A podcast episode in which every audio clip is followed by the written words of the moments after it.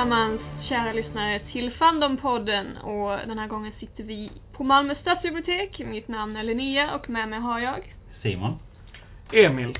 Ja, och dagens tema tänkte vi skulle vara lite fantasyfilm. Eh, klassiker och nya och gamla och trevliga fantasyfilmer att titta på.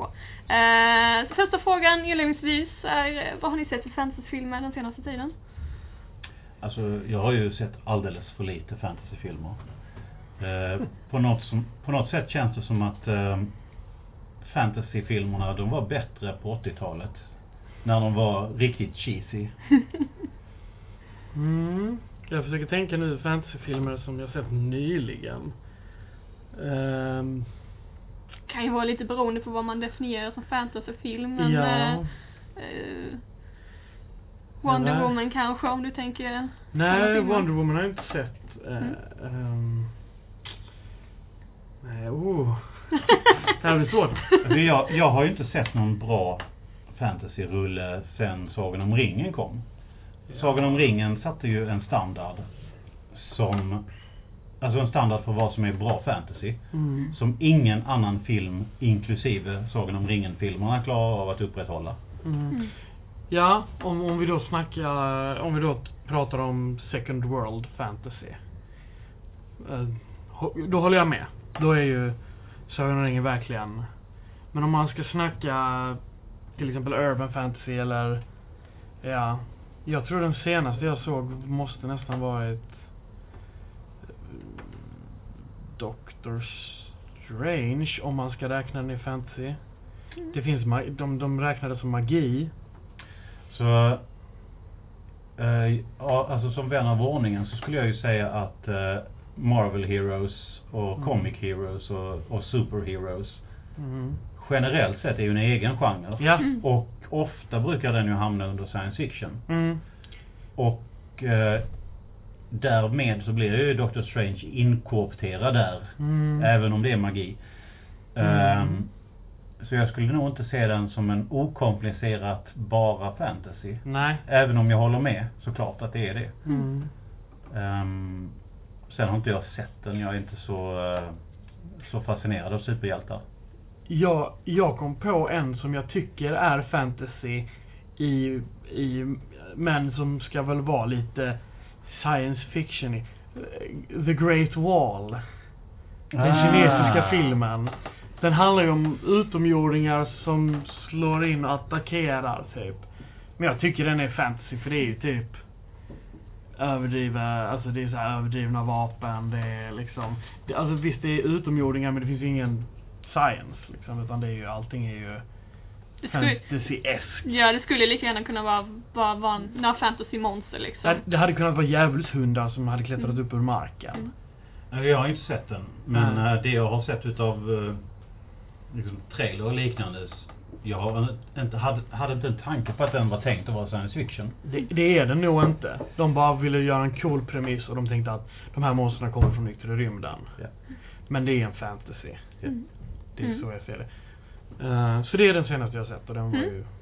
Ja, den, jag har inte sett den själv men eh, lite nyfiken har jag varit på Ja, den. Så, ja. d- om man vill, man, vill, man vill se den för de fina färgerna, inte så mycket för någonting mer. Skulle jag tro. Men det är ju underskattat. Ja, ja, jag håller jag. Jag uppskattar science fiction för de stora explosionerna. Mm. Inte bara för de dju- djupa filosofiska diskussionerna. Mm. Och, och fantasy. Eh, kan ju börja med en av mina absoluta fantasy-favoritfilmer. Excalibur från, eh, från länge sedan. Mm. De lubbar runt i heltäckande, eh, hel gotisk vit rustning. De gör allt i rustning. Det är inte på något sätt realistiskt att ha sex i en helrustning. Men lik förbaskat är det jättehäftigt. Mm. Mm. Jag och, min, jag och mina vänner, vi har ett uttryck för den här typen av filmer överlag. Och det är så här, man lyfter näven i skyn och säger Ja för i helvete! Sådana filmer. Typ 300 är ju så här, Ja! Ja för i helvete! Alltså så. Ja, ja precis. Det är liksom saker som så här. Det behöver inte vara logiskt, det behöver inte, utan det är bara, det, man bara, det är bara lite, det är bara coolt. Det är verkligen så här style over substance. Ja. En annan sån som är helt underbar är ju Ladyhawk. Eh, där Rutger Hauer lubbar omkring med ett tvåhandsvärd. Alltså det är bara fint. Det är bara Mm. vackert. Mm. Mm. Mm. Ja, La- Ladyhawk var det länge sedan jag såg nu, men den är nog inte bland mina absoluta favoriter. Men Excalibur däremot, den, den har jag högt på min lista, den gillar jag Mm. mycket. Ehm, men nu börjar vi röra oss in lite på äldre filmer här, men Ja. har ni av, av de här klassikerna, eller vad ni nu vill definiera som klassiker, har ni några sådana där som man måste se, som är liksom Mm. de absolut klassiska fantasyfilmerna? Ja. Jag skulle ju säga, alltså Excalibur, Ladyhawk och Conan. Och det, då menar jag den riktiga Conan. Mm. Med eh, världens kortaste tvåhandsvärd och Mm. eh, Arnold Schwarzenegger som springer naken i, i öknen Mm. liksom. Det, det, det, det är riktigt cheesy. Ja, eh, jag hade ju framförallt sagt Conan också för att för mig är ju det den, ja det är en av mina favoritfilmer. Och ja, jag vet inte om jag, alltså den, jag tycker den är fantastisk på många sätt. Men jag som älskar musik, jag tycker ehm, jag tycker att den score är ju något av det mest otroliga i eh, i eh, liksom filmsoundtracksvärlden och hur, hur den har influerat liksom sin väg efter och gjort Conan Barbaren en väldigt betydelsefull film.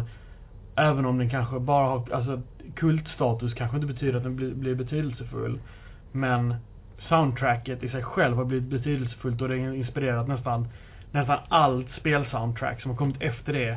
Kan man se hur kompositörerna bara Jo, jo, men så var vi sent en kväll och så tog vi en öl och så lyssnade vi på Conan Barbaren soundtracket. Det är liksom, nästan alla deras historier börjar med det liksom. Mm. Men jag, jag har en, jag tror jag har, om man snackar must sees. Alltså så här, då, då är jag Willow. Tycker jag är självklar. Mm. Mm. Och sen så tycker, jag tycker väldigt mycket om Stardust. Neil Gaimans. Mm. Och Ja. jag tycker den filmatiseringen är också väldigt bra. Mm. Med, Ja, det är den. Med, med Daredevil i huvudrollen. Jag tycker, nej, jag tycker om den. Jag tycker de två, eh, mm. ja. Utan, utan att nämna den självklara då. Sagan om ringen. Ja. Ja. Då menar du den eh, Evil Dead-adaptionen? Du menar Peter Jacksons Ja. Sagan om ringen? ja. Det är kul det där du sa med, med musik. För jag har... Det finns en, en film som jag älskade när jag var en liten glytt. Som var helt underbar. Coolaste som bara fanns. Det var Korpen flyger. Mm. Och sen så, eh, liksom jag, jag kommer fortfarande ihåg dialog och, och hur cool han var som dök upp där på stranden utanför Reykjavik. Och så såg jag om den för några år sedan. Mm. Åh fy satan vad dålig soundtrack. Och så den har blivit gammal. Det var det, alltså jag, det gick inte att se färdigt filmen. Den var Mm. så daterad. Mm. Och jag tror att den, eh, den har nog inspirerats utav Conan på samma sätt fast tagit det åt helt fel håll. Så den filmen är jättebra. Musiken är jättedålig och det gör att det går inte att se längre. Det är för hemskt. Mm. Mm. Men du Linnea då? Ja, jag skulle ju vilja säga Highlander på den här listan. Eh, sen bortser vi ju då från att i Highlander 2 så kommer det ju fram till att de är typ aliens och sånt där. Men det skiter vi i, det, är Nej, liksom, nej. det existerar Highlander inte. 2 fick Men eh, första Highlander-filmen tycker jag väldigt mycket om. Eh, den är inte utan sina brister. Men jag tycker helhetsupplevelsen är väldigt bra. Och där är också soundtracket som är fantastiskt då av, av Queen. Mm. Ehm, Mm. det, det, det är ju det. det är en av mina favoritfilmer och det är också en, som jag skulle säga, en sån där måste se fantasyfilm. Men det är ju en utav de här uh, ostfilmerna. Mm. Väldigt cheesy. Mm, Och absolut. eh, jag älskar den, den är helt Mm. underbar. Mm. Jag älskar Kurgan som, och hans Alltså hans one-liners och hans Mm. Liksom filosofiska utläggningar i kyrkan är ju helt underbara. Jag, jag tänkte på med fler så här must så har jag en lite mer nyligen som jag tycker är en sån film där den borde alla se om man har lite intresse för så här eh, folklore och liknande så är det Trolljägaren Mhm. som är en norsk eh, found footage film som handlar om ett gäng alltså universitetsungdomar som ska göra typ en, eh, har, har ni sett den? Ja, det Ja. De, de ska göra en undersökning utav varför det skjuts ryska björnar i Norge. Ja. Eh, De har, de har hittat björnar som har blivit tjuvskjut, eh, tjuvskjutna. Och så har de gjort en DNA DNA-analys och så visar det sig att de inte kommer från den norska björnstammen utan de kommer från den ryska. Och de undrar hur, hur i helsefyr kommer det här sig? Ja, och så börjar de följa efter då en av de här, vad man tror är en björnjägare. Och sen så visar det sig att han eh, sysslar med ännu större boskap, eller vad man ska kalla det. och hur då Norges regering mörklägger existensen av troll i Mm. Norge. Mm. Ja, den är, Den är jättebra. ja, den, den är fantastisk. Helt underbar. Mm. Mm. Och uh, där finns väl en annan norsk, vad är det den heter? Är det Vittra? Ja, jag har inte sett den, men jag... Där är, ja, där är också, an, antingen så är det found footage. Nu ska vi se, här, det börjar med ett... Det finns företag som kommer in och städar efter att polisen har varit, blivit färdig med en brottsplats. Det är vanliga städgubbar men det är inte smuts och, och damm de tar utan det är blod, bajs och spyor. Mm. Och de kommer in i ett, i ett hus och så ska de städa och så hittar de en uh, jättevacker kvinna med svans. Jag har för mig det är så den börjar. Mm. Ja.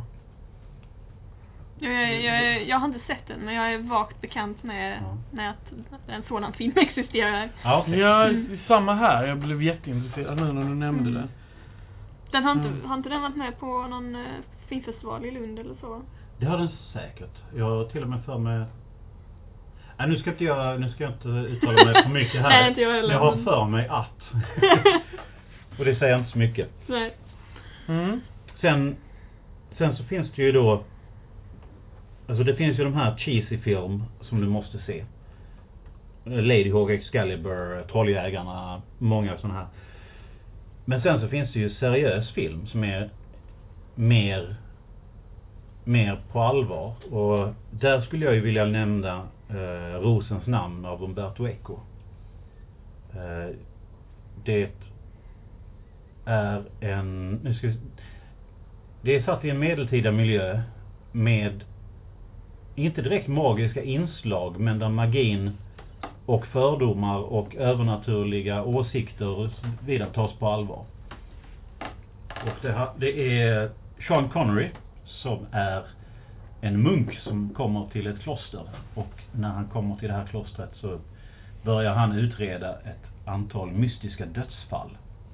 Och det visar sig att de här dödsfallen leder till en bok. Alla som har läst boken har dött. Vad är detta för en bok? Var finns den? Och hur kommer det sig att folk dör när man tar i den? Eh, och då är, där är kättare och inkvisitionen och eh, djävulen är närvarande i alla sinnen. Det är en riktigt intensiv film. Mm. Mm, definitivt en klassiker man bör se. Ja, när du sa djävulen är närvarande. Det finns en otroligt fantastisk film. Den, den, den snuddar ju, den är ju också skräck då. Mm. Men som heter The Witch. Som handlar om en familj i New England eh, och som är Mm. Av, vad här- de är nybyggare Mm. i eh, USA. Och så handlar det om hur de flyttar ut eh, till en liten stuga och hur deras familj blir påverkad av häxan som bor i skogen. Ja, den är... Ja, den är så... Den är fruktansvärt bra.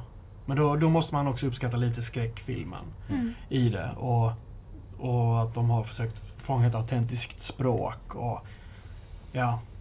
Men den här, men jag tänkte på det också med det här förhållandet till det magiska och att djävulen är nära och sånt. Det är ständigt. Mm. För framförallt så det den utforskar är hur det påverkar familjen och familjens relation. Så det, den är också fantastisk. Den kom ut förra året, eller förrförra, så den är väldigt Ja. ny. Ehm, Sen har vi ju också den här Vampire utav John Carpenter. Eller John Carpenters Vampire. oj, den har inte jag sett. Det är, det är en helt underbar vampyrrulle. Uh, alltså den börjar så jävla bra. Det är ett, ett, ett team som åker fram i en pickup till ett ödehus. Och så har de med sig armborst och eh, där är stålvajrar i, i pilarna till armborstet. Och de går in som en SWAT-styrka, tömmer huset, sätter en pil i bröstkorgen eller i huvudet på alla vampyrer där inne. Sen så tar de bara pickupen och kör iväg och drar ut allihopa i solljuset. Mm. De, det är som anti-Cimex för vampyrproblem. Helt underbart. Mm. Ja, den, är, den är jag faktiskt inte alls bekant med annars. Eh, Carpenter har man ju Ja. sett en del. Ja, jag, jag, jag tycker Carpenter är ju... Jag tycker jättemycket om Carpenter. Mm. Men, men nu håller vi på att glida in på Carpenter, också skräck. Men jag, jag tycker skräck är väldigt intressant när man snackar fantasy. För jag tycker att väldigt mycket skräck glider in i urban fantasy. Ja. Mm. Så att det är ju det. Så Mm. min favoritfilm av eh, Carpenter är nog Mouth of Madness. Som är hans Lovecraft-film, eller Mm. en del av hans Lovecraft-filmer. Jag tror den här, det är ju The Thing och sen och det är Event Horizon. Nej, det är inte Carpenter. Osäker. Ja, ah, ja, han hade i alla fall ett par filmer där som inspirerar Lovecraft. Och men Mouth of Madness, den är ju, jag tycker den är ju väldigt, den har ju väldigt mycket urban fantasy element. Mm. Som Mm. jag tycker Lovecraft också har. Mm. Absolut. Ehm, ja. Mm. Ja, och då ligger det ju nära till, till vampyrfilmer och till Mm. Buffy the Vampire Slayer, eh, From Dusk to Dawn och, och sånt där. Mm. Men, men som sagt, då driver vi ju från ämnet. Ja, Mm. lite grann. Mm. Men eh, har ni Flera av dem vi har valt, eller har nämnt här har ju varit lite 80-tal och även nyare. Men har ni några liksom äldre filmer? Liksom Wizard of Oz, skulle det vara en sån? Den måste man se. Eller känner ni att den, den har inte åldrats tillräckligt bra för det? Jag Mm. känner lite grann att, men den har man väl sett, vare sig man har sett den eller inte. Alltså, eh, Wizard of Oz, den gamla, den gamla, gamla, gamla, som Mm. börjar svartvitt och sen går över i färg Mm. när de kommer till oss. Eh, och även om du inte har sett filmen så har du hört musiken, eh, Mm. du känner igen citat som We're not in Kansas anymore. Eh, du, du känner till twisten med, eh, med draperiet på slutet. Alltså, Mm. Mm. Du, du har ju förmodligen sett någonting som relaterar till den och har Ja. berättat historien. Det existerar ju musikaler, det existerar tv-serier som Alltså musikaler som Wicked, tv-serier, Mm. tv-serier, alltså eh, Once upon a time som också jag för mig har. Mm. Och det är ju, den är ju, den är ju så känd liksom. ja. Jag försöker tänka efter, efter äldre, äldre filmer som hamnar där i fantasy-facket. Som man, som man snackar där 50-60-tal. Mm. Så jag, jag tänker... Wizard of Oz var ju visserligen 30-tal. Var det 30-tal? Mm. Ja, ja. Ja, 39 okej. tror jag. Mm. Jag tycker ju den hamnar i um, liksom en, en annan kategori. Liksom. Vi har, vi har uh, ostkategorin, vi har den seriösa kategorin med Ro- Rosens namn. Och sen så Wizard of Oz, det är ju lite grann mer lättsinnig eh, underhållning. Mm. Lättsam underhållning. Och där, där skulle jag ju ha liksom Oändliga historien och The Princess Bride och såna här Mm. grejer. Mm. Det är ju faktiskt en intressant kategori. Ja, ja jag, jag tror väl att jag kopplar den lite ihop med de som känns lite mer sagolika. Ja. Alltså Mm. de som är lite mer eh, lite mer eh, efterliknande sagor i sin approach till fantasy. Mm. Mm. Mm. Det finns ju ofta, jag, jag tycker det är ju kul med framförallt med Princess Bride, det är att det finns ju ett citat och det är att det finns ju ingen film som är perf perfekt förutom Princess Bride. Ja. Mm. Men jag, ja, det, men den är ju väl också så här lättsinnig och fantastisk på alla sina sätt. Uh, jag försöker tänka på fler filmer i den här genren. Ja, ju, inte just kanske sagogenren, men vi har ju lite mer, jag tänker på, på eh, ja, 20 20-30-talet. Det, det var ju flera filmer som handlade mycket om så här liksom upptäcktsresande som upptäckte Mm. fantastiska platser. Det finns alltså Lost Horizon och Queen of Atlantis och, och She till exempel. Ehm, det är ju lite i gränsfallet kanske till fantasy, men det är ändå, Mm. eh, jag tycker ju flera av dem är riktigt trevliga att titta på. Ja, alltså jag börjar ju tänka så här King Kong och Godzilla. Mm. Mm. För mig är ju att jag tycker ju jättemycket om gamla Godzilla-filmer så att Ja. De tycker jag är riktigt bra. Alltså, blir det, blir det fantasy bara för att man eh, accepterar magi som en naturlig del i, i verkligheten. För i sådana fall så är Indiana Jones också fantasy. Mm. Ja. För jag menar, där, där går ju Gud in och smälter ansikten. Mm. Mm. Visserligen, det, det, det är ju sant. Det är, Mm, och, så jag vet inte. Mm. Det Där finns ju bättre exempel på eh, vad ska man säga, near reality, Mm. nära urban fantasy. Då, Mm. då tänker jag ju på Pans labyrint. Mm. Den är ju, det är ju där ur- urban fantasy går över till att bli en fantasyfilm skulle jag vilja säga Mm. jämfört med, eh, vad är det de heter, den här ryska nattvakten? Mm. Nightwatch. Nightwatch. Ja. Där är den ju mer eh, urban fantasy action, Mm. action, urban fantasy action. Ja. Inte riktigt att betrakta som en fantasyfilm kanske. Mm. Det finns ju flera, på tal om Pons labyrint så finns det ju flera där internet, både så här, eh, analyser och liknande om hur, hur den är en så kallad disobedient fairy tale. Hur den, tar, hur den framstår sig som en, som ett sago, som en saga och sen hur den gång på gång bygger upp sagoelementen och sen så trycker ner dem och hur symboli, symboliken i den är väldigt lik sagor och liknande. Jätteintressant. Mm. Skulle ni, eh, och nu är det lite så här vad man vill definiera som fantasy, skulle ni eh, kunna lista Det sjunde inseglet på, på en sån här lista? Med fantasyfilmer? Ja. ehm, jag skulle väl säga att allting som inte är dokumentärt är väl fantasy egentligen. mm. Jag, jag, jag blir lite så här, räknas The Last Action Hero med Arnold Schwarzenegger i huvudrollen som fantasy då också? Ja, ja. För Jag då, ju- Om den räknas fantasy, kanske din seglet räknas som fantasy. Med tanke på att, med tanke på att eh, döden från Sjunde inseglet är en karaktär i Last Action Hero. Mm. Med... Mm. Nej, jag, jag, jag tänker så här att om allting som inte är dokumentärt är fantasy och allting som är bra är science fiction så tycker jag vi har, har liksom hamrat in genregränserna rätt bra. Mm. Jag kan ta ett exempel. Eh, A Few Good Men handlar ju om våra hjältar som reser från vår verklighet till en annanstans som är befolkad utav varelser som ser ut som människor, som beter sig nästan som människor, men som är helt annorlunda. Det är jättesvårt för dem att sätta sig in i de sociala regler och normer och till och med språket som används på Guantanamo marinbas. Marinsoldaterna uttrycker sig annorlunda, beter sig annorlunda. Det är väldigt mycket Star Trek över A Few Good Men. Jag tänker trettonde krigaren. När du säger så. Men det är för att jag slog över till trettonde krigaren i mina tankar överhuvudtaget. Ja. Men, Och jag menar, du kan definiera eh, A Few Good Men som en science fiction-rulle. Fastän att det inte finns någonting som är framtid eller övernaturligt eller Mm. avancerad teknologi. Jag tror att, jag, jag tror att det finns lite så här. jag tror det finns en hård, om man ska dra hårddragna genrer och sen kan man lösligt säga att den har, att det har, man kan relatera det till. Jag tror att rent hårdraget, så bara för att någonting är övernaturligt så är det inte fantasy. Utan fantasy har antingen att det ska vara ett fokus på A Second World, som Sagan om ringen, Eragon. Eh, ja men, jag tror... Eh, ja, men Kul att ingen har nämnt Eragon bland de bra filmerna. Nej. Oj, Surprise. förvånande. Ja. ja. Nej, ehm, ja eller så, så kommer det vara någon, någon form av portal.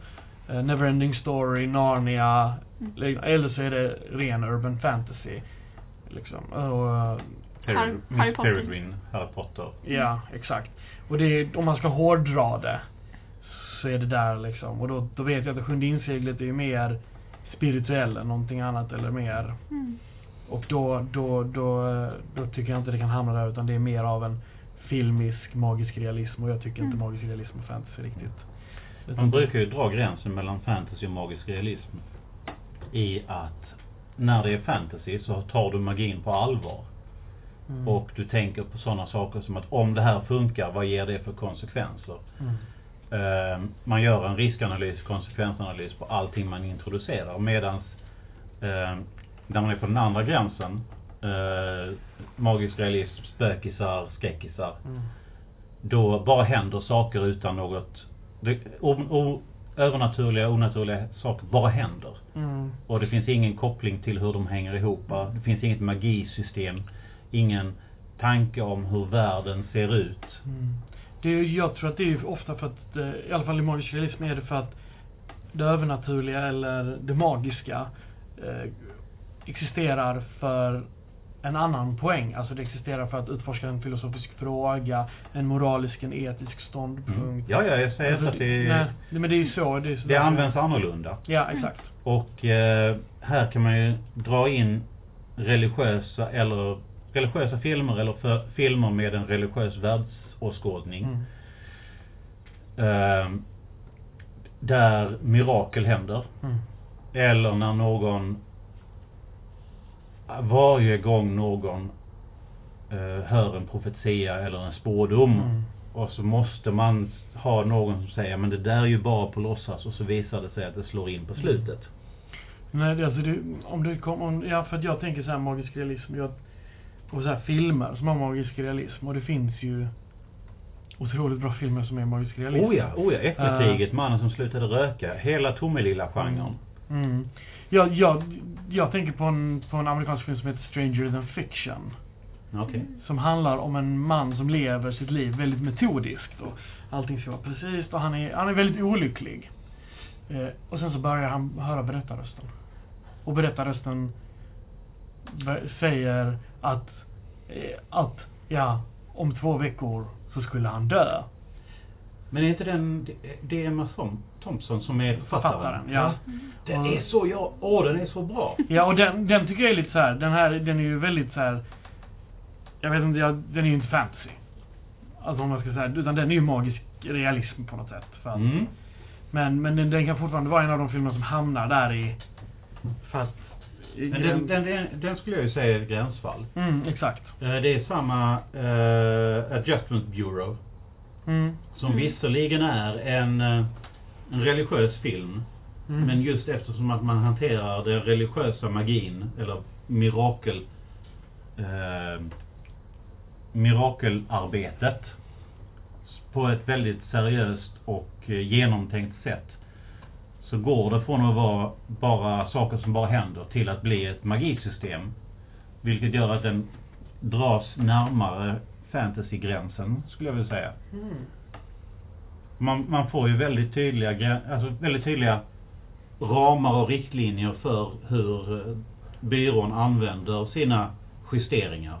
Mm. De har sina, de har sina böcker, de har sina hattar, de har sina små knuffar. Det, det blir väldigt väldefinierat, väldigt intrikat och väldigt, väldigt förståeligt. Mm. Ja, så där, där, det, det, det är ju en subjektiv grej då. Det, alltså i slutändan, alltså genre. Alltså fantasy-genre och liknande. I film framförallt tänker jag att det är väldigt subjektivt. Jag skulle säga att det är väldigt glidande. Jag, jag tänk, ser det inte som så subjektivt som Mm. Jag ser det mer, har, har skaparen tänkt igenom på ett strukturerat sätt eh, vad det här får för, vad magin får för konsekvenser. Mm. Då drar det åt fantasyhållet. Använder de magin, övernaturligheten, miraklen eh, mer som ett symbolspråk eller eh, eller på det hållet. Då är det Mm. mindre fantasy. Då är det mer Ja. spökis.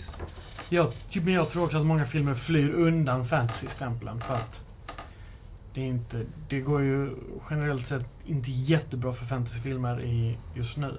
Filmer Mm. pratar vi då. Mm. Inte serier, för det vara fantastiskt för fantasy-serier. Men filmer. Ja. Eh, Men... eh, Är det för att man har fall, fallit i, i ehm, eh, monsterfällan? mm, Jag tror, jag vet inte. Jag, jag tänker ju att alltså, Pans labyrint har ju extremt vackra monster. mm. Sagan om ringen har ju åtminstone den första väldigt, väldigt bra orker. Mm.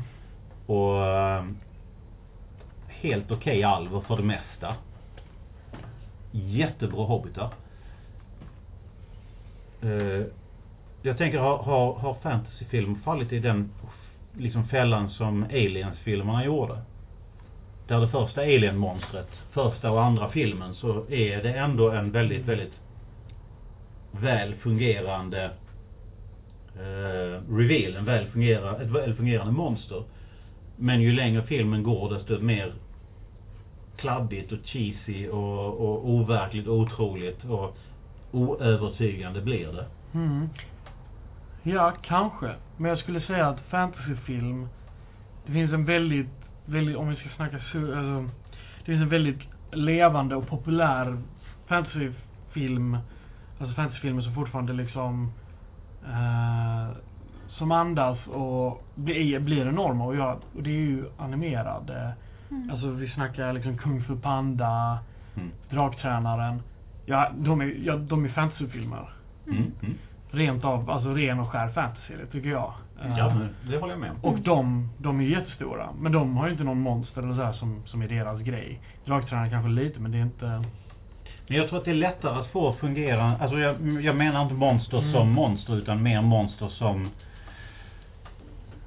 eh, jag menar, menar mer monster som kreatur.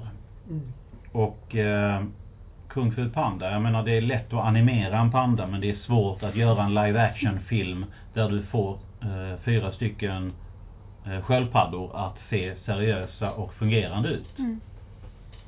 Eh, vilket gör att om du ska göra en fantasyfilm så har du två stycken dödsfällor. Det ena är Man in Rubber Suit Mm. och det andra är CGI Madness.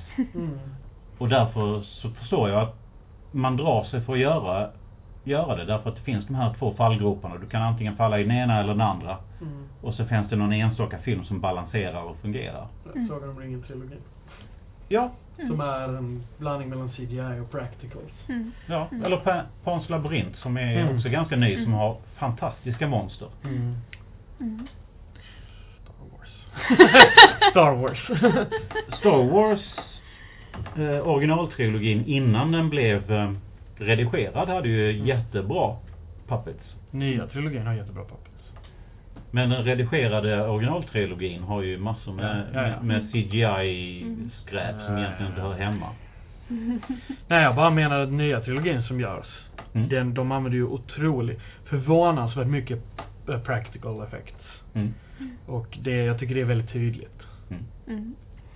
Mm. Ja, eh, men eh, ja, huruvida Star Wars är fantasy eller inte, det är nästan ett helt avsnitt eh, för sig. Eh, det tänker jag undvika den här gången. Eh, men men eh, vi har ju, du nämnde ju lite så här tecknade filmer och så Emil. Eh, finns det några fler sådana där klassiska fantasy tecknade filmer? Jag, jag tänker ju lite, lite asiatiskt och så. Ja, allting av Studio Ghibli. Ja. det är liksom... Mm. Nej, Prin- eh, Princess Mononoke och... Howl's Moving Castle Mm. är ju en fantasybok i... Mm, mm. My Neighbor Totoro är ju Ja. jättetrevlig också. Mm. Mm. Ja, Spirited Away. Mm. Ja, men allt, nästan allt där är ju... Men när det kommer till... Men jag, jag känner liksom att det är så lätt. Mm. Alltså den genren är ju, det, det är så lätt. Det finns så, så mycket bra. Mm. Eh, alla, alla Disneys julfilmer Mm. är, är ju fantasy. Mm. Mm. Alltså Snövit, eh, eh, vad heter den, eh, Skönheten och odjuret, Mm. eh, Atlantis. Atlantis, eh, Cinderella. Alltså, all, all. Mm. ja, Mm. all, alla de här grejerna, det är ju fantasy. Och jag tror att det har, har med det att göra att, att när det är tecknat så är det lättare att få dem trovärdiga. Eh, kan du teckna en anka och få honom att vara, vara trovärdig Mm. så, så är det ganska lätt med orker eller Mm. med... eh, Men all- allting i den genren är ju inte bra. Nej. Alltså vi har ju Earthsea som är helt hemsk. Alltså av, av uh, Goro Miyazaki, alltså sonen. Mm. Jag menar av Le Guin. Alltså den Jo, men, eh, filmatiseringen Ja, utav ja Le exakt. Ja men det, det, det, Det det, ju det är Studio en. Ghibli men det är ju inte en Hayao Miyazaki-film så den har ju inte samma status. Ja men den, det är har, ju den, så. den har ju inte samma piedestalstatus Mm. men Nej. det är ju ingen bra film. Mm. Jag har inte sett den så jag kan inte yttra mig. Jag har ju inte läst eh, den boken heller så jag kan inte yttra mig alls. Och, eh, Du kallar dig fantasyfan och har inte läst Earthsea. nej jag vet, jag har flera vänner som, eh, som halshugger mig liksom. Nej. Men som, som, som typ jagar mig med spjut. Mm. Så fort vi kommer in på det ämnet. Nej, alltså jag, jag, jag är nästan så här att vi, vi måste ju ta en, en seriös terapiomgång. liksom binda fast dig i en stol och, och hälla in illrap under kläderna tills du läser. Mm. Ja, det... Jag har ingenting och jag... För första gången på väldigt länge så läser jag inte riktigt någonting nu. Så jag, det, jag kan absolut plocka upp den. Ja. Mm. Jag tycker det är, det är definitivt värt. Det är, Ja. Mm.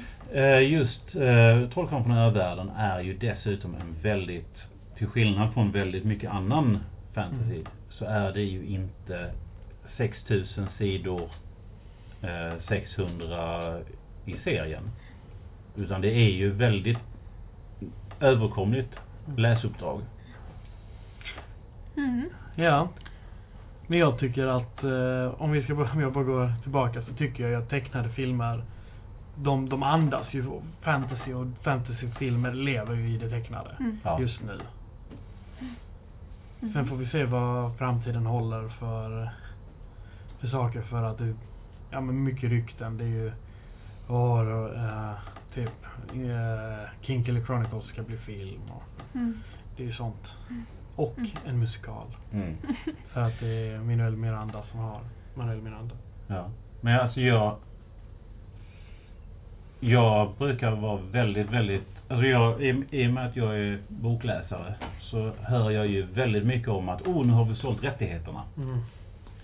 Och väldigt ofta så är det ju att är det ju så att en, en studio köper upp rättigheterna, inte för att själv göra filmen, utan för att sitta på rättigheterna i fem år så att ingen annan gör den.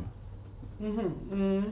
Eh, att köpa rättigheterna är ingenting annat än ett trevligt tillskott med pengar till författaren. Det är först när man ser att studion börjar ta fram en, eh, liksom, en synopsis, börjar Ja, titta ja. på ett manus som, man, som det finns anledning att ens börja, börja sprida rykten. På tal om manus. Förresten.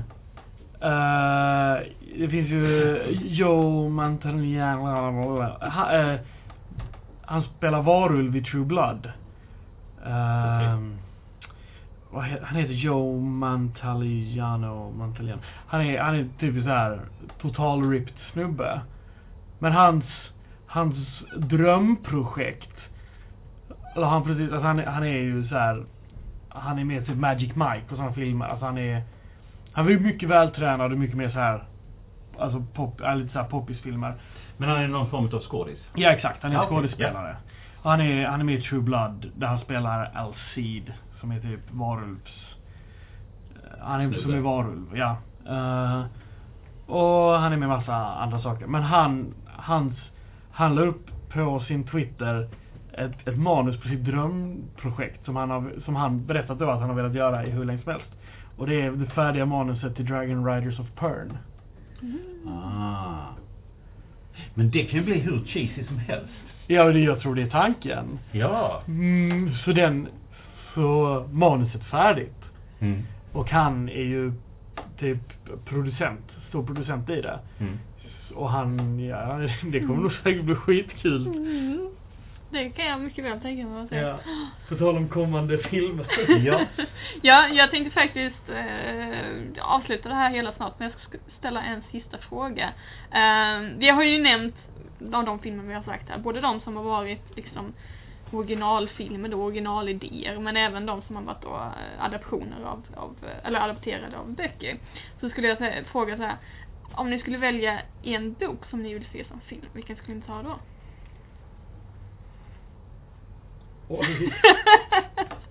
det var en svår fråga tydligen. Ja. ehm, där finns ju vissa böcker som jag tänker, snälla, snälla fördärva inte det här. Mm. Eh, ni, nej, ni får inte lov att göra film av det här. Nej, fy på er. Eh, sen så finns det ju vissa böcker som hade varit vansinnigt roligt att göra bra film. Och Mm. jag tänker, jag tänker på Perdido Street Station. Det hade kunnat bli så jäkla kul. Mm. Mm. Ja, ja, ja det, det, det blir hela frågan i vilken hade gjort sig bra som film? Mm. Precis. För det är ju... Och jag, jag har hört att de pratar om att göra eh, City and the City. En annan utav Mievils Mm. eh, böcker. Och jag, jag fattar inte hur de ska kunna göra det bra. Det känns liksom, nej, nej, Pilitafsnott inte den här. Mm. När det finns när det finns Perdido Street Station av honom som är så jäkla filmisk, som kan göras så bra. Mm. Ja...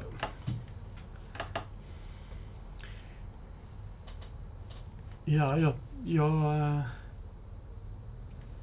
om man får med humorn så tror jag att jag hade jättegärna sett någonting av Joe Abercrombie bli filmatiserat. Um, framförallt då hans tre senare som är lite mer western Kurosawa-grejer. Mm. Liksom. För de, de hade funkat bättre i det stora. Men han, han har så mycket inre dialog och inre tankar och det är det som gör mycket av humorn. Så jag tror det blir, blir svårt men framförallt honom. Mm. Mm. Tror jag. Sen skulle jag ju vilja se en bra Dune. Ja, verkligen. Fast Dennis Villeneuve eller Denis Villeneuve. Jag är, nej. Du jag, tror inte? Jag vet inte. Nej, Eh, du tyckte inte om Arrival alltså? Nej, nej, alltså eh, jag bara, jag bara tänker att det är så mycket inre dialog. Mm. Att, och det är det som gjorde väldigt mycket av att den första blev så fruktansvärt ostig. Mm. Eh, där är personer som, ser, som har världens stålansikte medan det mal osäkerhet i bakgrunden. Och om du visar den osäkerheten i ansiktet, då faller en halva utav personligheten. Mm. Jag, jag tror att Denny Villeneuve är den, en av de mest perfekta personerna som kan Nej men alltså som kan göra någonting som Dune. För att han har bevisat att han vet vad, hur man gör en bra adaption och hur man kan och hur, och hur man klipper bort rätt saker för att det ska fungera filmiskt kontra hur var boken? Han, han gjorde, de gjorde rätt drastiska förändringar från The Story, story of My Life. Mm. Story of your life. Of your life. Mm. Från till Arrival. Alltså där de klippte bort väldigt många och argumenterade på viktiga saker. För att det skulle fungera filmiskt. Och allting blev, gjorde att filmen fungerade liksom så bra som möjligt. Mm. Så jag, Jag säger inte att han inte kan göra det bra. Jag Mm. säger att jag vill ha en bra Dune. ja. Så säger jag inte mer än så. Jag menar, jag, jag säger Han har, inte, han har inte levererat det nu. Nej. Jag, jag, jag, jag, jag, jag, jag tror att han är, att han är nästan en av de bästa de kan sätta på det jobbet. Men jag är lite så här. Blade Runner får komma först Mm. och så får vi se hur bra Blade Runner är och sen så kan jag känna mig lugn eller Ja. för att han gör ju Blade Runner. Så, Mm. det är nya. Ja, jag skulle nog faktiskt säga eh, den bok som jag vill se som film, som kanske det är inte världens bästa bok, men jag tror att den kan bli visuellt väldigt, väldigt häftig. Det är eh, The Aeronauts Windless av Jim Butcher. Ja! Mm. Ja. Ja. Den, den skulle jag väldigt gärna vilja se. Jag tycker allmänt Jim Butchers eh, han, han har, hans estetik är väldigt filmisk. Mm. Ja. Mm. Eh, till och med, till och med Dresden Files är ju väldigt Mm. filmisk och hade funkat väldigt bra som film tror jag. Ja, det funkade ju väldigt bra som Jag tv-serie. har inte sett tv-serien. Nej, just det. Men, men jag, men, men jag, hör, jag har hört grejer att man liksom så här gjorde om Harry till en person och eh, bara, Ja, precis. va, varför? Mhm. Ja, men eh, jag tänker vi, eh, vi börjar avsluta där. Eller har ni något mer att tillägga på temat fantasyfilm som vi har missat? Det görs för lite. Ja. Vad sa du att, Det görs för lite, vi vill ha mer. ja, Och eh, vi vill ha mer live action, vi vill ha mer... In, vi vill inte bara ha tecknat. Tecknat Mm. fyller inte samma behov. nej, ehm, ja. Jag tror att man, jag tror att eh, Hollywood eller alltså man måste inse att man kan använda fantasy för att utforska mänskliga teman. Mm. Så som litteraturen gör. Och jag tror att när de väl inser det så kommer nästa fantasyboom komma. Mm. Mm. Det är det jag tror. Ja, ja men det var väl eh, trevligt det här. Eh, tack så mycket för att ni kom och tack till Malmö stadsbibliotek för att vi får spela in här. Eh, och till alla våra lyssnare, hoppas ni hade en, en trevlig stund med oss och eh, välkomna att lyssna på nästa avsnitt.